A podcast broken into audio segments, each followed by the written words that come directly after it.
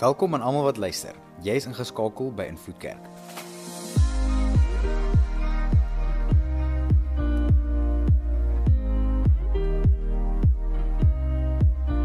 Vir die volgende paar minute gaan jy luister na een van ons boodskappe. Ons glo en vertrou saam met jou dat jy die Here sal beleef daar waar jy is. Geniet dit. Vandag begin ons 'n splinter nuwe reeks en ek is regtig opgewonde oor hierdie een want ek glo hierdie reeks gaan bietjie ons koppe kom skuif, ons denke kom skuif oor hoe ons die res van die jaar bietjie gaan aanvat. Wat die volgende paar maande nie nuttelose maande sal wees nie, maar sal tel binne in jou lewe en sal tel binne in jou huis en 'n verskil sal maak daar waar jy gaan. Hierdie reeks se naam is een op 'n slag. Nou, waaroor hierdie gedagte basies gaan en die vraag wat ek het rondom hierdie reeks. As jy kyk na Jesus as individu, moet daar iets wees binne in my en jou harte wat net bietjie vra losmaak oor die geskiedenis van tydperk. Hier is hoekom. Want Jesus word tot vandag toe beskou as een van die invloedrykste persone wat al ooit geleef het op planeet Aarde. Nou ek weet jy sê dalk Marie, maar ons is 'n kerk. Hy is soos die invloedrykste persoon wat al ooit. Ek dink ons is Christen. Ja, ek weet. maar julle selfs in die kringe wat nie glo hy's die redder van die wêreld nie, dat hy nie die verlosser is nie. Selfs in die kringe van die wêreld wat sê maar ek glo nie eens in God nie. Kyk na Jesus se lewe en sê, "Wow. Hierdie persoon se nalatenskap is iets wat ons nie kan miskyk nie." Sy dit wat hy kom doen het, sy lering, sy woorde wat hy gelos het, dit wat ons vandag nog inleef, is iets besonders. Ek dink vandag as jy na Time Magazine gaan kyk, een van die groot tydskrifte in Amerika, lys hulle Jesus as nommer 1 van al die invloedrykste persone wat ooit geleef het. En dis mense wat nie in hom glo as 'n redder nie. En hier's my vraag. Hoe het hy dit reg gekry? Né? Nee. Wat was Jesus se benadering om regtig waar die wêreld te verander soos hy het? Om die wêreld te kom aanraak soos hy het. En hoe meer jy in hierdie vraag gaan induik, beloof ek jou nou, dit is so kontroversieel soos wat ons vandag sal praat oor hoe mense lewens se lewens verander. Want dink gou saam met my, wie was Jesus? As jy net na 'n persoon perspektief gaan kyk. Jy sien Jesus was hierdie kind gewees wat groot geword het in 'n baie arm huis in 'n dorpie wat niemand eens van geweet het nie. En as mense van daai dorpie gepraat het, hulle gesê maar dit is so niks werd dorpie dat nie eens die mense wat daar uitkom kan iets besonders bereik nie. Toe Nelspruit is klein, maar ten minste het ons al 'n paar springbokke en 'n klomp dinge al bereik hierso uit Nelspruit uit. As jy uit Nazareth uitkom, my maat. Jy's gelukkig as jy net kan opstaan in die oggend en een of iewers kan glimlag deur die dag. Die mense was daar het niks gekom van daai dorp af nie. Dit was 'n ou verlate vrot dorpie geweest. Hy hy het niks besonders gehad en nie 'n geleentheid gehad soos wat sy pa vir hom kom bied om 'n maatskappy te kom oorvat en om iemand te kon wees nie. Hy het nie vir spesiale opleiding gegaan nie. Hy was 'n doodgewone persoon wat toe hy uit die skool uitgekom het, houtwerk gedoen het saam met sy pa. En jy lees nooit dat sy meubelstukke iewers in die keiser se tempel was of waar ook al hy gebly het nie. Sy meubelstukke was nie van die soort dat mense daaroor gepraat en gesê dit is die beste handewerk wat mense ooit gesien het nie. Jy jy sien nooit iets dalk. Dalk was dit net pelletplanke gekap te mekaar en daar's 'n bankie. En nie net dit nie.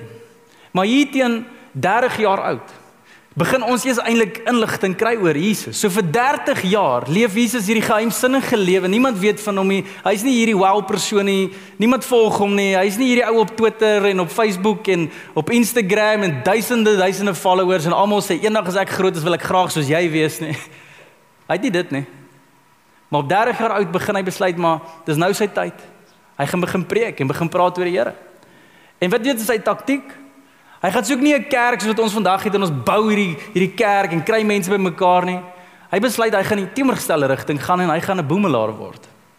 En hy gaan op straat gaan bly en soos hy rondloop gaan hy mense begin vertel van die Here en sy sy krag en sy mooiheid en sy verlossing en die koninkryk wat kom. En hy begin dit doen deur jou eerstens 12 ouens te kies. 12 ouens wat 'n niks was in die samelewing nie. En as ek bedoel 'n niks, hulle het gedryp in skool. Dis letterlik as jy bietjie gaan lees, dis wie hulle was. Hulle kon nie 'n skool deurmaak nie. Jesus gaan kies die C-span as sy span. Want hy het geweet die A-span ouens sou in elk geval nie wou volg nie. Want Jesus nie die status gehad nie. En dan nie net dit nie. Vir 3 jaar lank leef hy, doen hy hierdie goed. Ja, daar's wonderwerke wat gebeur. Later dan begin mense hom volg want hy doen amazing goedjies.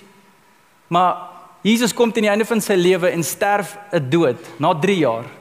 'n Kriminele dood. En na 3 jaar is sy lewe tot 'n einde. Maar die wêreld is verander as gevolg van daai 3 jaar. Nou my vraag is, hoe op dese aarde het hy dit reg gekry? maar kom ons wees eerlik, julle, as jy daai boemelaar sien by daai stopstraat, daai robot, wat doen jy? Jy rol jou ry op, ou maat. Jy sê ag, alweer hierdie ou, kyk hoe hy's alweer gesyp. Kom nou nie my staan en oordeel nie. Jy weet man. Ja, kyk nou hoe hanteer hierdie ou. Kyk hoe skree hy nou weer. Ag, kyk nou hierdie mense. Jesus was een van daai wat op straat gestaan het. Ek en jy kyk hier na daai mense en dink, "Wow, hierdie ou gaan die wêreld verander." ons moet hom as president kry nie. Ek nie een van ons nie. Maar tog was dit Jesus se benadering.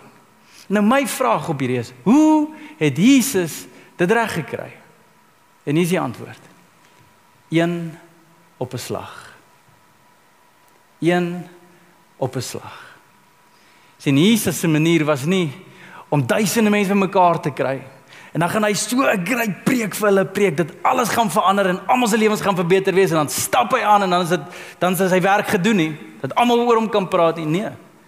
Jesus staan op die oggend. Gaan na die Vader toe bid. Stap uit en hy sê okay julle, ek dink ons moet daai kant toe gaan vandag. En daar stap hulle. O, hier's 'n persoon. Ja, kom ons stop by hom. En Jesus kyk mense in die oë. Jesus hoor hulle stories. Jesus gaan kuier by hulle. Jesus slaap by hulle oor. Jesus eet aan tafel saam met mense. Jesus leef 'n lewe van een op 'n slag. En dit het die wêreld soveel verander, julle. Dat mense tot vandag, jy glo hom of nie, nie eens 'n datum kan neerskryf sonder om te getuig oor die impak wat hy gehad het op planeet Aarde nie. En hoor mooi. Ek en jy leef in sy voetspore ek en jy leef ook 'n lewe om ander te beïnvloed. Ek en jy het die krag om ook iemand se wêreld te verander. Maar hoe gaan dit gebeur? Deur jou beste preek? hoe genaamd nie. Deur stap in jy doen wonderwerke? Hoe genaamd nie. Dit is wanneer jy begin stop by iemand en jy begin 'n persoon een op 'n slag in die oë kyk, na hulle harte kyk, hulle stories leer ken, tyd spandeer saam met hulle en jy stap daar weg en jy besef dit dalk nie eers nie. Maar daai persoon se lewe verander heeltemal. Nou kom ons wees eerlik, jy weet ek nou sê klink goed. Maar ons is sleg daarmee. ons is baie sleg daarmee. Ons sal deur 'n dag jaag van die begin tot die einde en ons dink aan werk en begrotings en deadlines en kinders en doelwitte en drome en probleme wat ons moet oplos en dinge wat ons moet behaal en en ons kan dit nie opstaan en sê Here, asseblief wys my daai een persoon vandag nie. Ons sukkel om in 'n winkelsentrum in te stap en te sê, "Ag, een, wat 'n wat 'n ry is die kortste dat ek dit vinnig kan uitkom." Eerder as om te sê soos wat Jesus het gesê het, "Here, in watter ry kan ek daai een sien?" Ons kom agter 'n robot aan en weet hoe gaan dit? Wat is enige van die vinnigste wie die rooi robot weer vinnig vertrek? Wil nie hier stadig ry nie. Ons leef daai tipe leefstyl en daai mentaliteit oral waar ons gaan. En dan kom mense teen die einde van 'n lewe, 40 jaar, 50 jaar, 60 jaar miskien. En dan begin hulle vra vra. Maar het my lewe getel? Was my lewe sinvol? Het dit wat ek nagejaag het, dit wat ek gaan agterlos op planeer daar enigsins waarde bygevoeg tot die mense? sien die Here dit en kan die Here dit gebruik en dan begin mense soos ons dit noem 'n midlife crisis hê. Ek het hom al gehad op 20. Ek's gereeld nog steeds deur hom. En hier is ons hoekom. Want ek weet net soos wat ek daardeur gaan, gaan elkeen van ons daardeur. Want die Here kom verby elkeen van sy kinders en sê hy, daai lewe wat jy leef, ek kan hom gebruik. Daai stem wat jy het, daai voete wat jy het, daai hart wat jy het, daai wie jy is, waar jy gaan, die mense wat by jou uitkom, ek kan jou gebruik om mense se lewens te verander. Stel jy belang. Want as jy doen, moet jy begin een op 'n slag leef. En nou vandag het ek 'n speeling saamgebring. Ek weet elke laafvelder het so eene. Wildtuinkykers en as jy nie 'n wildtuin besoeker is nie, definitief op jou buurman spioneer en kyk wat hy alles aanvang. Ja, ken julle te goed. Maar iets interessant rondom 'n verkyker. Ek doen ek kan soos ek nou hierso staan, almal sien. Maar iets wat ek nie kan sien nie is die detail op elkeen, né? Maar as ek hierdie ouetjie gebruik en ek kyk so 'n bietjie daar in die agterry, kry ek gou kyk wie slaap daar. Almal is nog wakker, is daar nie te bad preek so ver nie. Maar ek kan begin ek kan begin fokus op mense en ek kan begin fokus op iets spesifiek. Maar weet jy wat's amazing van wat hierdie ding eintlik doen? Hier sien ek alles in die groot prentjie. Wat doen wat gebeur hier?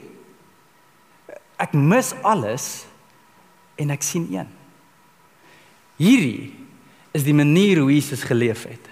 En laasweek het ek gekyk na hierdie gedeelte man Lukas 8 en ek het dit vir jou optel van hierdie vrou wat gelei het aan bloedvloeiing. En kyk net hoe Jesus hierdie situasie hanteer en sien die verkyker fokus in sy lewe.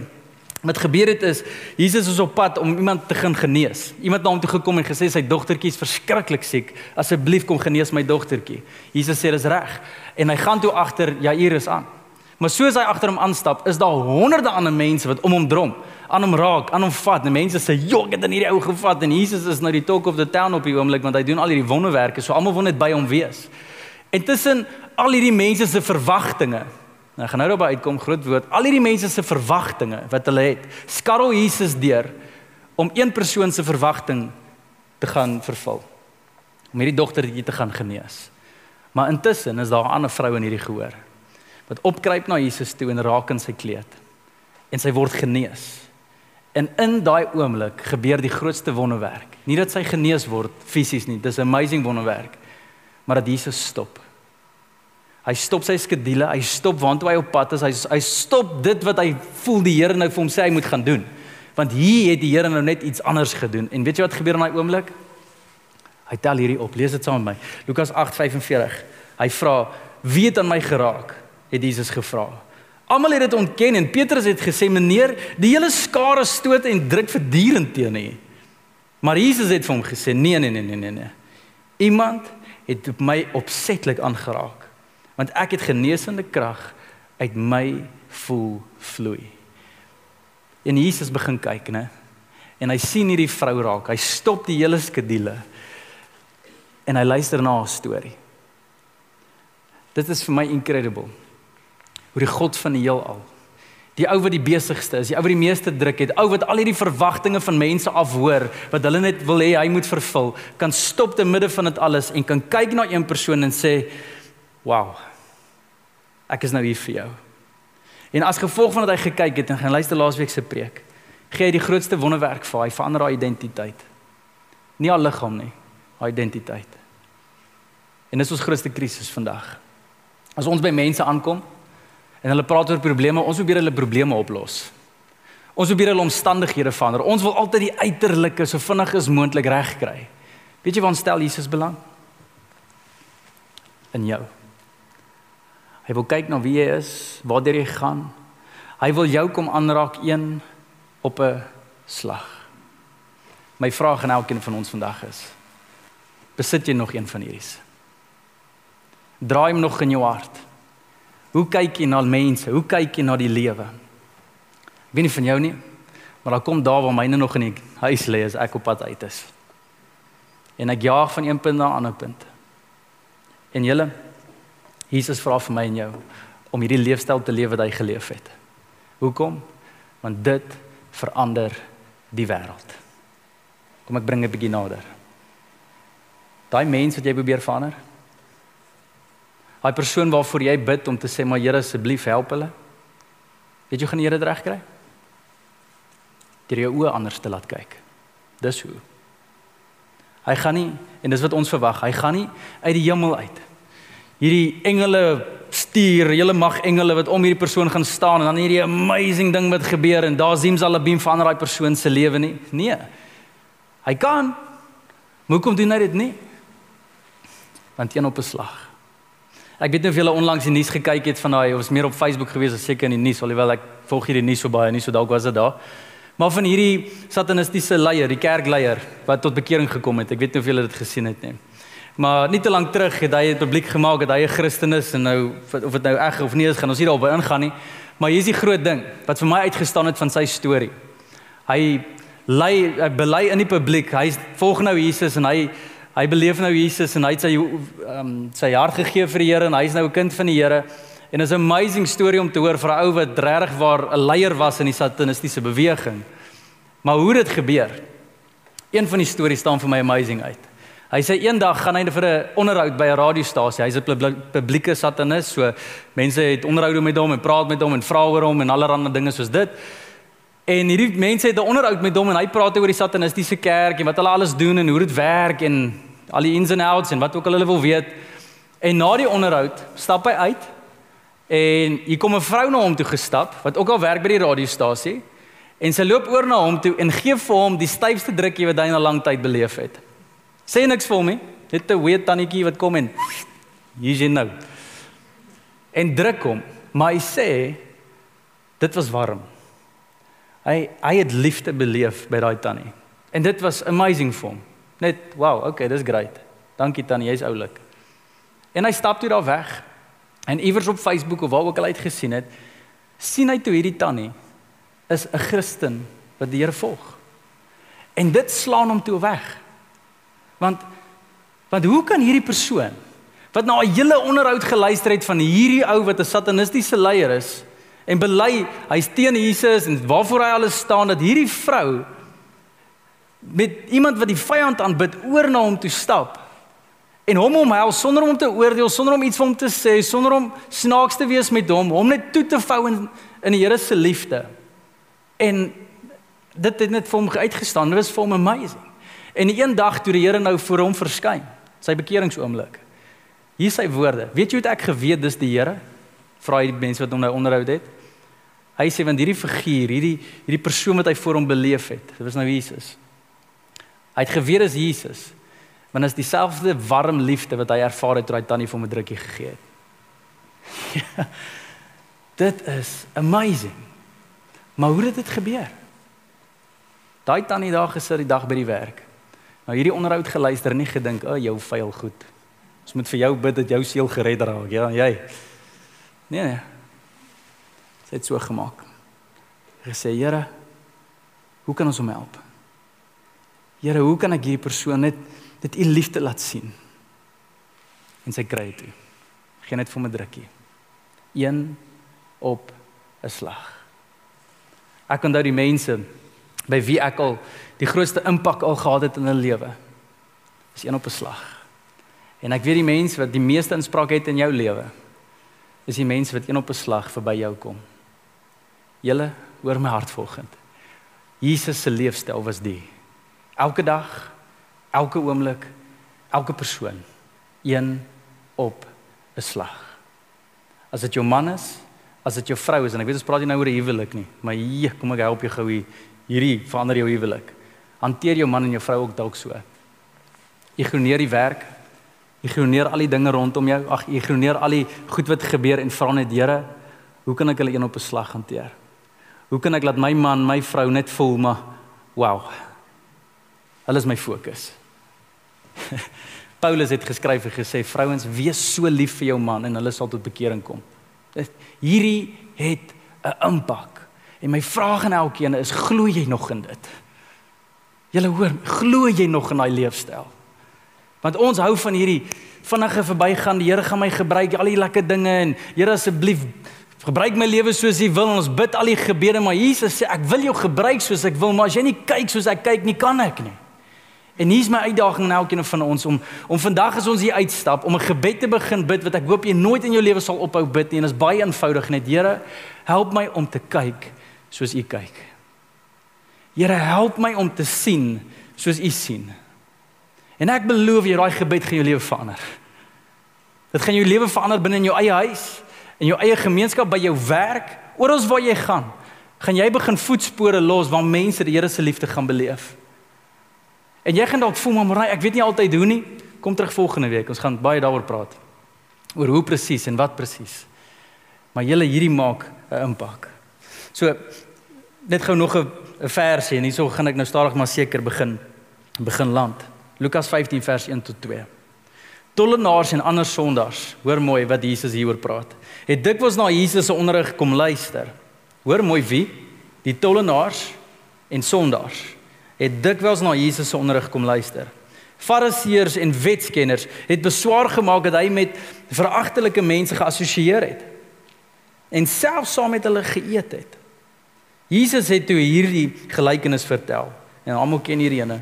As jy 100 skape het en een wat verdwaal en verlore geraak, sal jy nie die 99 ander net al laat staan en die een gaan soek tot jy hom kry nie.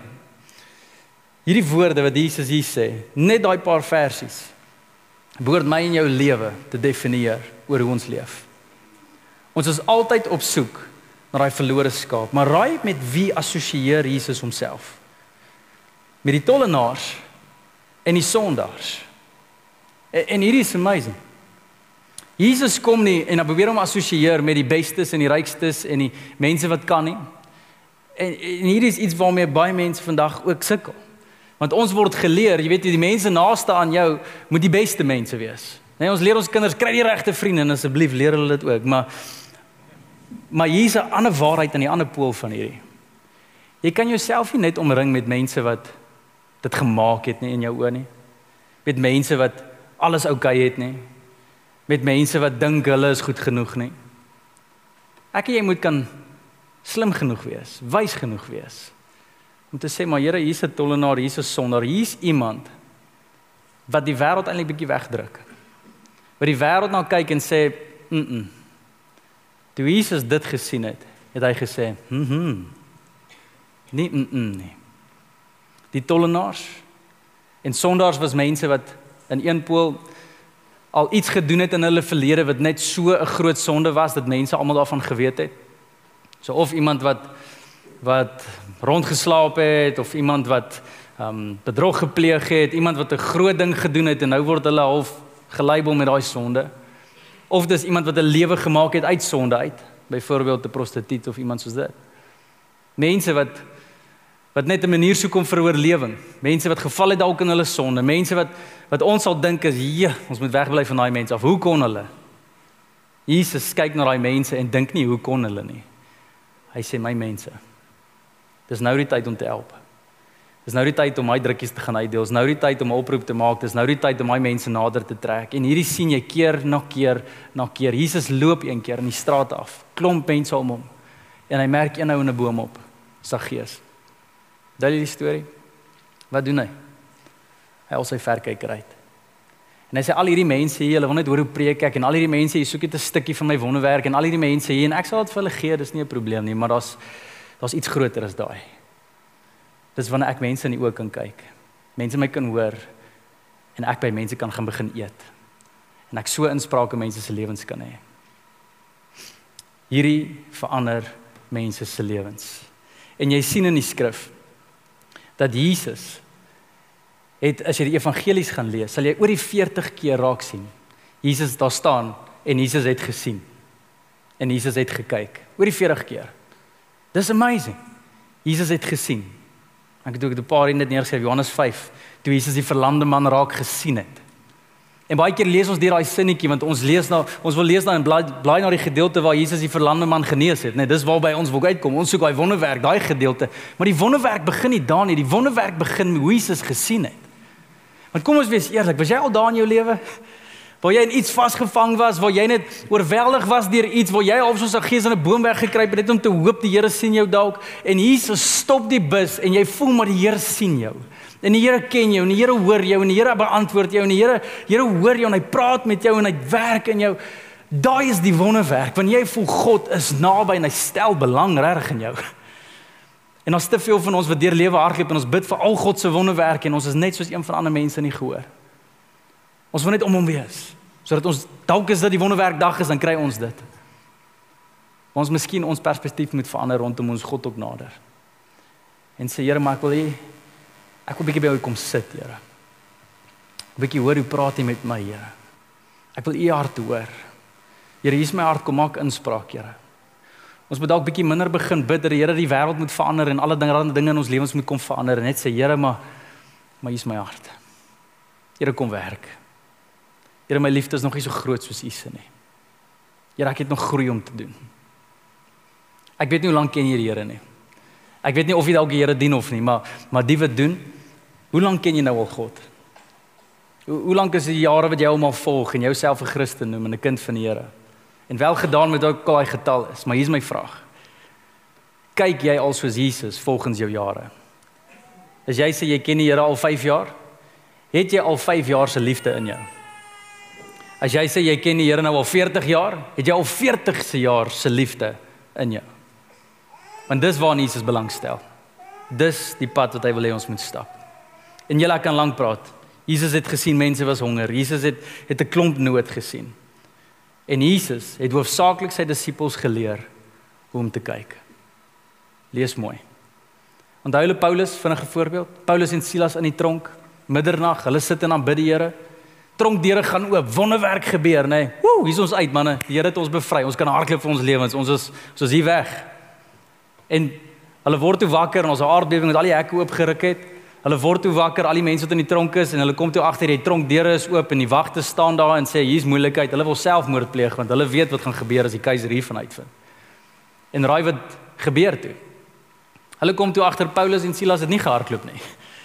Hulle is nog steeds in die tronk. Hulle is vry. Daar's nie meer kettinge om hulle nie, maar hulle sit nog steeds op dieselfde plek. Hoekom?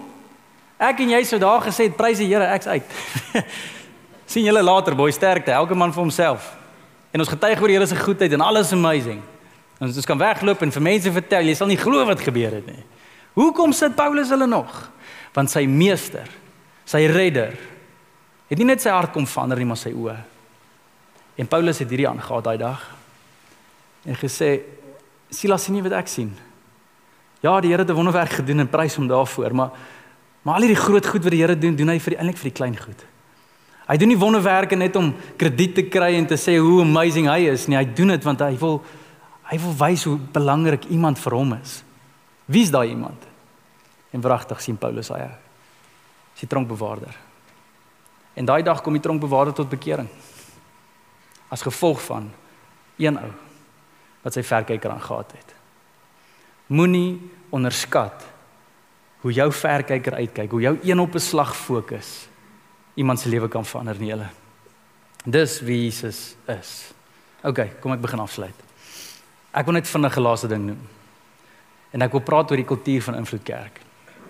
Dit is so maklik wanneer ons sit op 'n Sondag soos hierdie om hier te kom en te sê, "Yo, great boodskap, ons het die Here beleef, aanbidding amazing, alles alles lekker, great." En dan sal ons dalk na 'n ander kerk toe gaan as dit nie dit is nie en ons gaan soek weer daai great kerk en daai amazing gevoel en wat ook al nog alles great.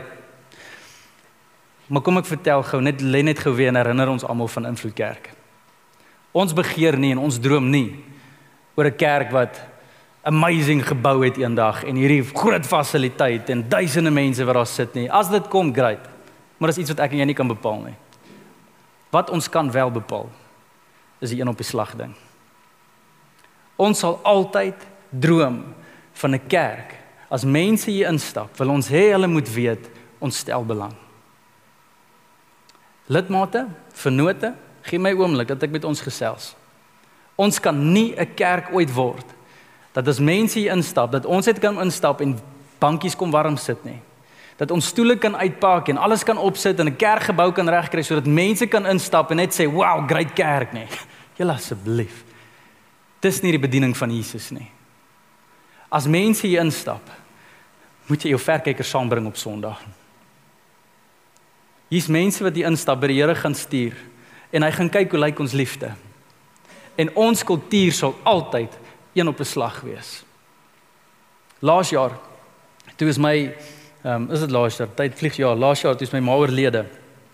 En ek onthou sy's in Alberton toe en ek bel toe die kerk waar sy betrokke was die laaste hoeveelheid jaar en dis 'n amazing kerk, mooi fasiliteit, amazing. Ek doen ek stap aan en kry hoendervleis hoe hoe die dinge daar gebeur en deurbrake wat hulle beleef en ek bel hulle toe en sê luister hier my ma se oorlede is daar moontlikheid dat ons asseblief net iets kan reël by julle fasiliteit. Ons wil nie regtig 'n begrafnis doen nie. Ons wil net 'n byeenkoms hê waar mense bietjie kan same sy nê, bietjie kuier, net weer stories kan deel oor my ma, niks formeel nie. Ons het nie eens 'n predikant nodig nie. Ons het wil net by julle terrein wees.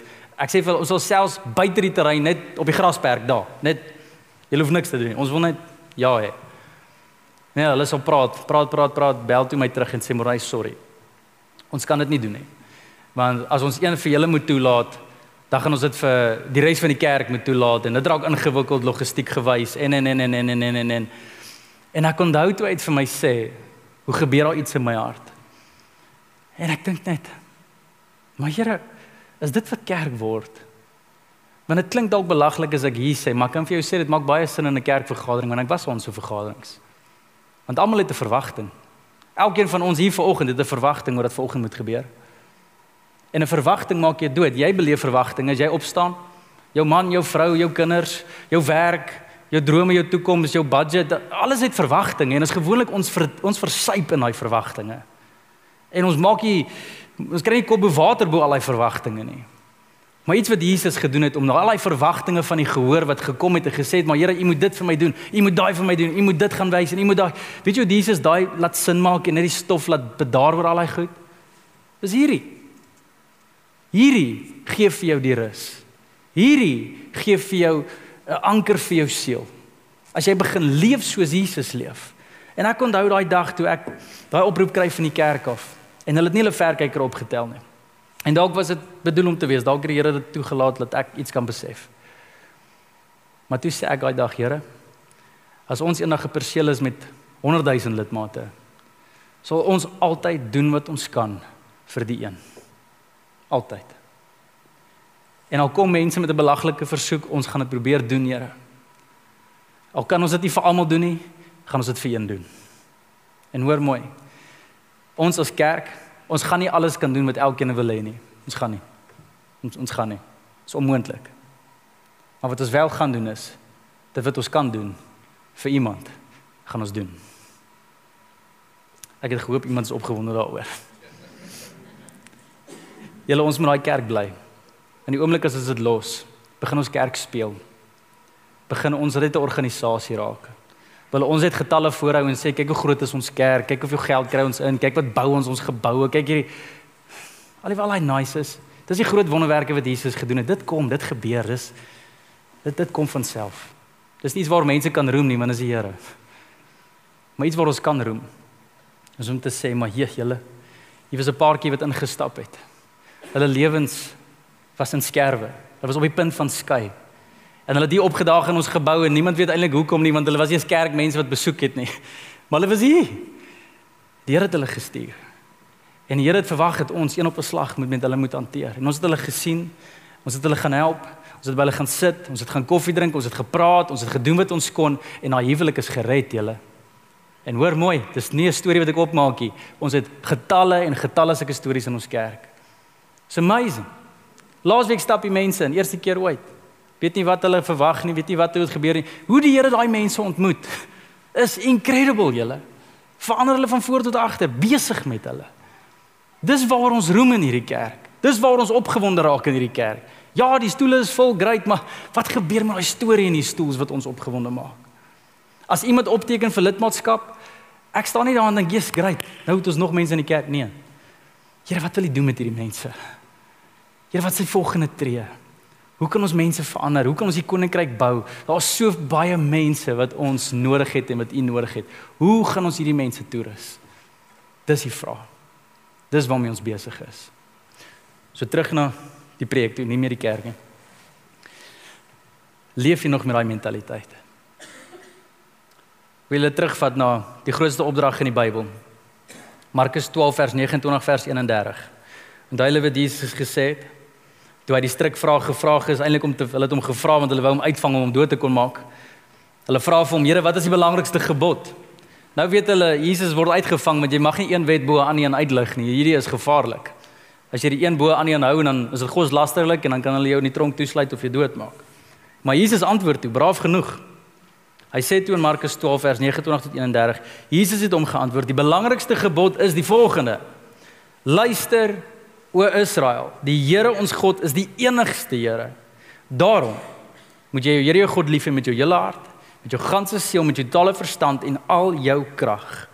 Die tweede gebod is net so belangrik. Jy moet jou naaste lief hê soos jouself. Hierdie twee vorm saam die belangrikste opdrag. En as jy gaan kyk in die konteks van wat ek vandag vir jou sê, dis die opdrag. Jesus praat hier, jy moet God lief hê met jou hele hart, krag en verstand, jy naaste soos jouself. Maar waar begin daai opdrag? Wat is die eerste werkwoord in daai hele ding wat Jesus gesê het? Is dit jy moet lief hê? Nee. Dis luister. Luister o Israel. Weet jy hoe luister ek en jy? Met ons oë. As jy ooit in 'n gesprek en iemand praat met jou en hulle oë dwaal heeltyd af en kyk daar en fokus daar en kyk op die tyd en was jy al daar? Luister hulle na jou? Nee.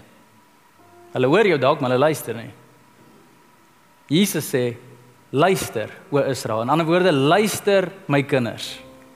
Die wat my volg, die wat my ken, die wat my hulle verlosser noem, die wat sê maar ek behoort aan hulle en hulle aan my, die wat sê my gees is in jou, luister o Israel, kyk met my oë. Want dan daarom sê hy, daarom moet jy deur jou God lief met jou hele hart. Kyk in jou hart. Jou verstand, jou krag, jou siel en dan jy moet jou naaste lief hê soos jouself. Het jy druk Jesus weer daar? Wie hierdie? En weet jy hoe kyk ek en jy na ons eie lewens met die ding? As ons in die spieël kyk, ons sien net ons behoeftes. Ons sien net wat ons wil hê. Ons ons kyk met hierdie ding so gereeld, maar net na ons eie lewens soms. Al wat Jesus sê is ander. Celebrate net gefokus op iemand anders. Dan gaan die hele wêreld begin blur en jy gaan begin sin kry vir jou lewe. En as jy dalk op 'n plek is hier vanoggend en jy voel maar jy's moeg en jy's oorlaai en jy's bietjie pap en jou energie is daar, hoor wat gaan jou vervul en asseblief snap hierdie. As jy begin doen wat die Here van jou vra, as jy begin leef met hierdie bril, daar is nie 'n vervulling groter as dit wat kom met dit nie. Beloof dit vir jou. As jy wegstap uit 'n gesprek uit en jy sê, "Wow, Here, wat het nou hier gebeur?" Die Here het my gebruik. Een op 'n slag is 'n ding. Jo, Here, dis amazing die verkyker is wat my en jou vervul. Ek was op 'n spasie in my lewe. Dalk op 'n dag een van my mentors gaan sien en ek sê vir hom, "Joh, ek's bietjie moeg. Ek's bietjie pap. Ek eh, ek voel nie meer vervuld nie. Ek ek's besig met die Here se werk, maar ek hoor mense sê my besig nie weer gewees met die dinge van die Here nie, maar besig wees met die Here van die dinge en al daai sinnetjies, maar ek sê vir hom, help my. Ek weet nie wat in my binne aan die gang is nie. Ek voel leeg, maar tog bereik ons baie en ons sien die Here werk, maar En hy vra my die volgende vraag, Morney. Wie is jou een? Wie is jou een? Sê van wie is my een? My vrou natuurlik. Wat vra jy, maar natuurlik sê my een. My een en my alles. Sê nee nee, Morney. Die een. Die een wat jy weet die Here op jou pad gestuur het, daai een as jy hulle sien, dan voel jy dalk bietjie anders oor hulle. Daai een wat jy glo, jy dalk 'n impak kan maak, maar jy weet nie lekker hoe nie. Wie is jou een? Wie is daai persoon? Wie is die naam? Wie is die storie? Jo, en toe my vra, toe hy my vas. Want ek was so besig met al die groot gehoor wat daar was en besig om die gemeente te dien en al die goeders dat ek vergeet het van die een. En daai 'n ou wat ek weet my een is maak 'n koffie met hom en net 'n gesprek saam met hom, baie informeel, niks uit die Bybel uit lees en preek niks. Ek stap af weg en daai leemte binne in my wat ek gehad het, was vervul. Want ek is besig om te doen wat die Here my vra om te doen. Het jy ooit gewonder hoekom Jesus nooit moeg en oorlaai was nie? Een van die redes was hierdie. Hy het geleef met hierdie ding. So daar waar jy is, gaan vra om jou oë te sluit en ek wil vir ons bid. Maar een ding wat ek wil noem terwyl ons so fokus op ons eie harte oorgesluit. Is dat Jesus het gesê hy kom saam met die tollenaars en die sondaars uithang. Die mense wat dit nie maak nie. Die mense wat eintlik 'n deel van sy kring behoort te wees nie. Die mense wat nie waardig voel nie. Die mense wat dalk foute maak, die mense wie se lewens nie alles sin maak nie, die lewens wat nie alles goed lyk nie en soos die perfekte voorbeeld lyk om te volg nie. Jesus kom vir hulle. En ek weet nie of jy dit weet nie of besef dit nie. Maar elkeen van ons hier val deel van daai groep. Elkeen. Niemand is perfek hier nie. Niemand kry dit 100% reg nie. Niemand is absoluut die een om te volg nie. Ons het een herder. En sy naam is nie Morney of enige ander pastoor nie, sy naam is Jesus. En hy sien jou. Hy weet waar jy is en hy kan jou kom haal. Hy kyk na jou en hy sien jou as een. ken jou van kop tot toon. Elke haar getel, elke situasie opgesom, elke hartsgeheim wat jy al lank van vergeet is, hy bewus van. Hy ken jou begeertes, hy ken jou behoeftes en hy sê ek kan jou op my skouers stel en ek kan jou huis toe bring. Jesus kyk na jou as die een. En die grootste rede hoekom ons hier leef met hierdie mentaliteit nie is omdat ons vergeet dit. Ons vergeet hoe hy oor ons voel, ons vergeet hoe hy na ons kyk. En daarom kyk ons nie meer so nie. Soos jy vanoggend hier is en jy dalk iewers jou verkyker laat lê. En jy het iewers jou fokus van impak gelos en en jy jy voel dalk bietjie leeg. Vervuld en jy weet nie lekker wat jou roeping en jy weet nie lekker wat jou identiteit nie en jy weet nie lekker hier is dit volgens vir jou. Tel jou verkyker op. Een op 'n slag. Hemelse Vader, dankie vir die voorreg wat ons in U het, Here dat ons 'n God het wat nie net daar is vir die gehoor nie. Ja, u bring wonderwerke. Ja, u doen amazing goed onder die kinders saam en en dis hoekom ons Sondag ook bymekaar kom, Here, want dit is net so lekker om saam in die teenwoordigheid te wees. En dankie vir dit alles wat u doen daar. Maar Here, u is op u beste wanneer u een op 'n slag uitleef. Daai oomblikke wanneer ons voel maar die Here kom stop nou by my en is tussen almal se behoeftes en begeertes en al die gehoor daar buite en En almal het verwagtinge, maar Here, iewerste het U my kom raak sien. Dis amazing, Here. En ek bid vir daai oomblik hier en nou, Here. Daai persoon wat dink het vergeet van hulle, dat U hoor nie hulle gebede nie, dat hulle geloof is te vergeefs en hulle vra dalk oor waar U is en wat U doen. Ek bid hier en nou, Here, laat hulle besef U is by hulle. U is met hulle. U is lief vir hulle. Here, dankie daarvoor. Ons eer, Here. Ek bid vir ons as invloed kerk dat ons regtig 'n invloed sal uitleef, Here. Nie deur net die gehoor te bedien nie, maar een op 'n slag.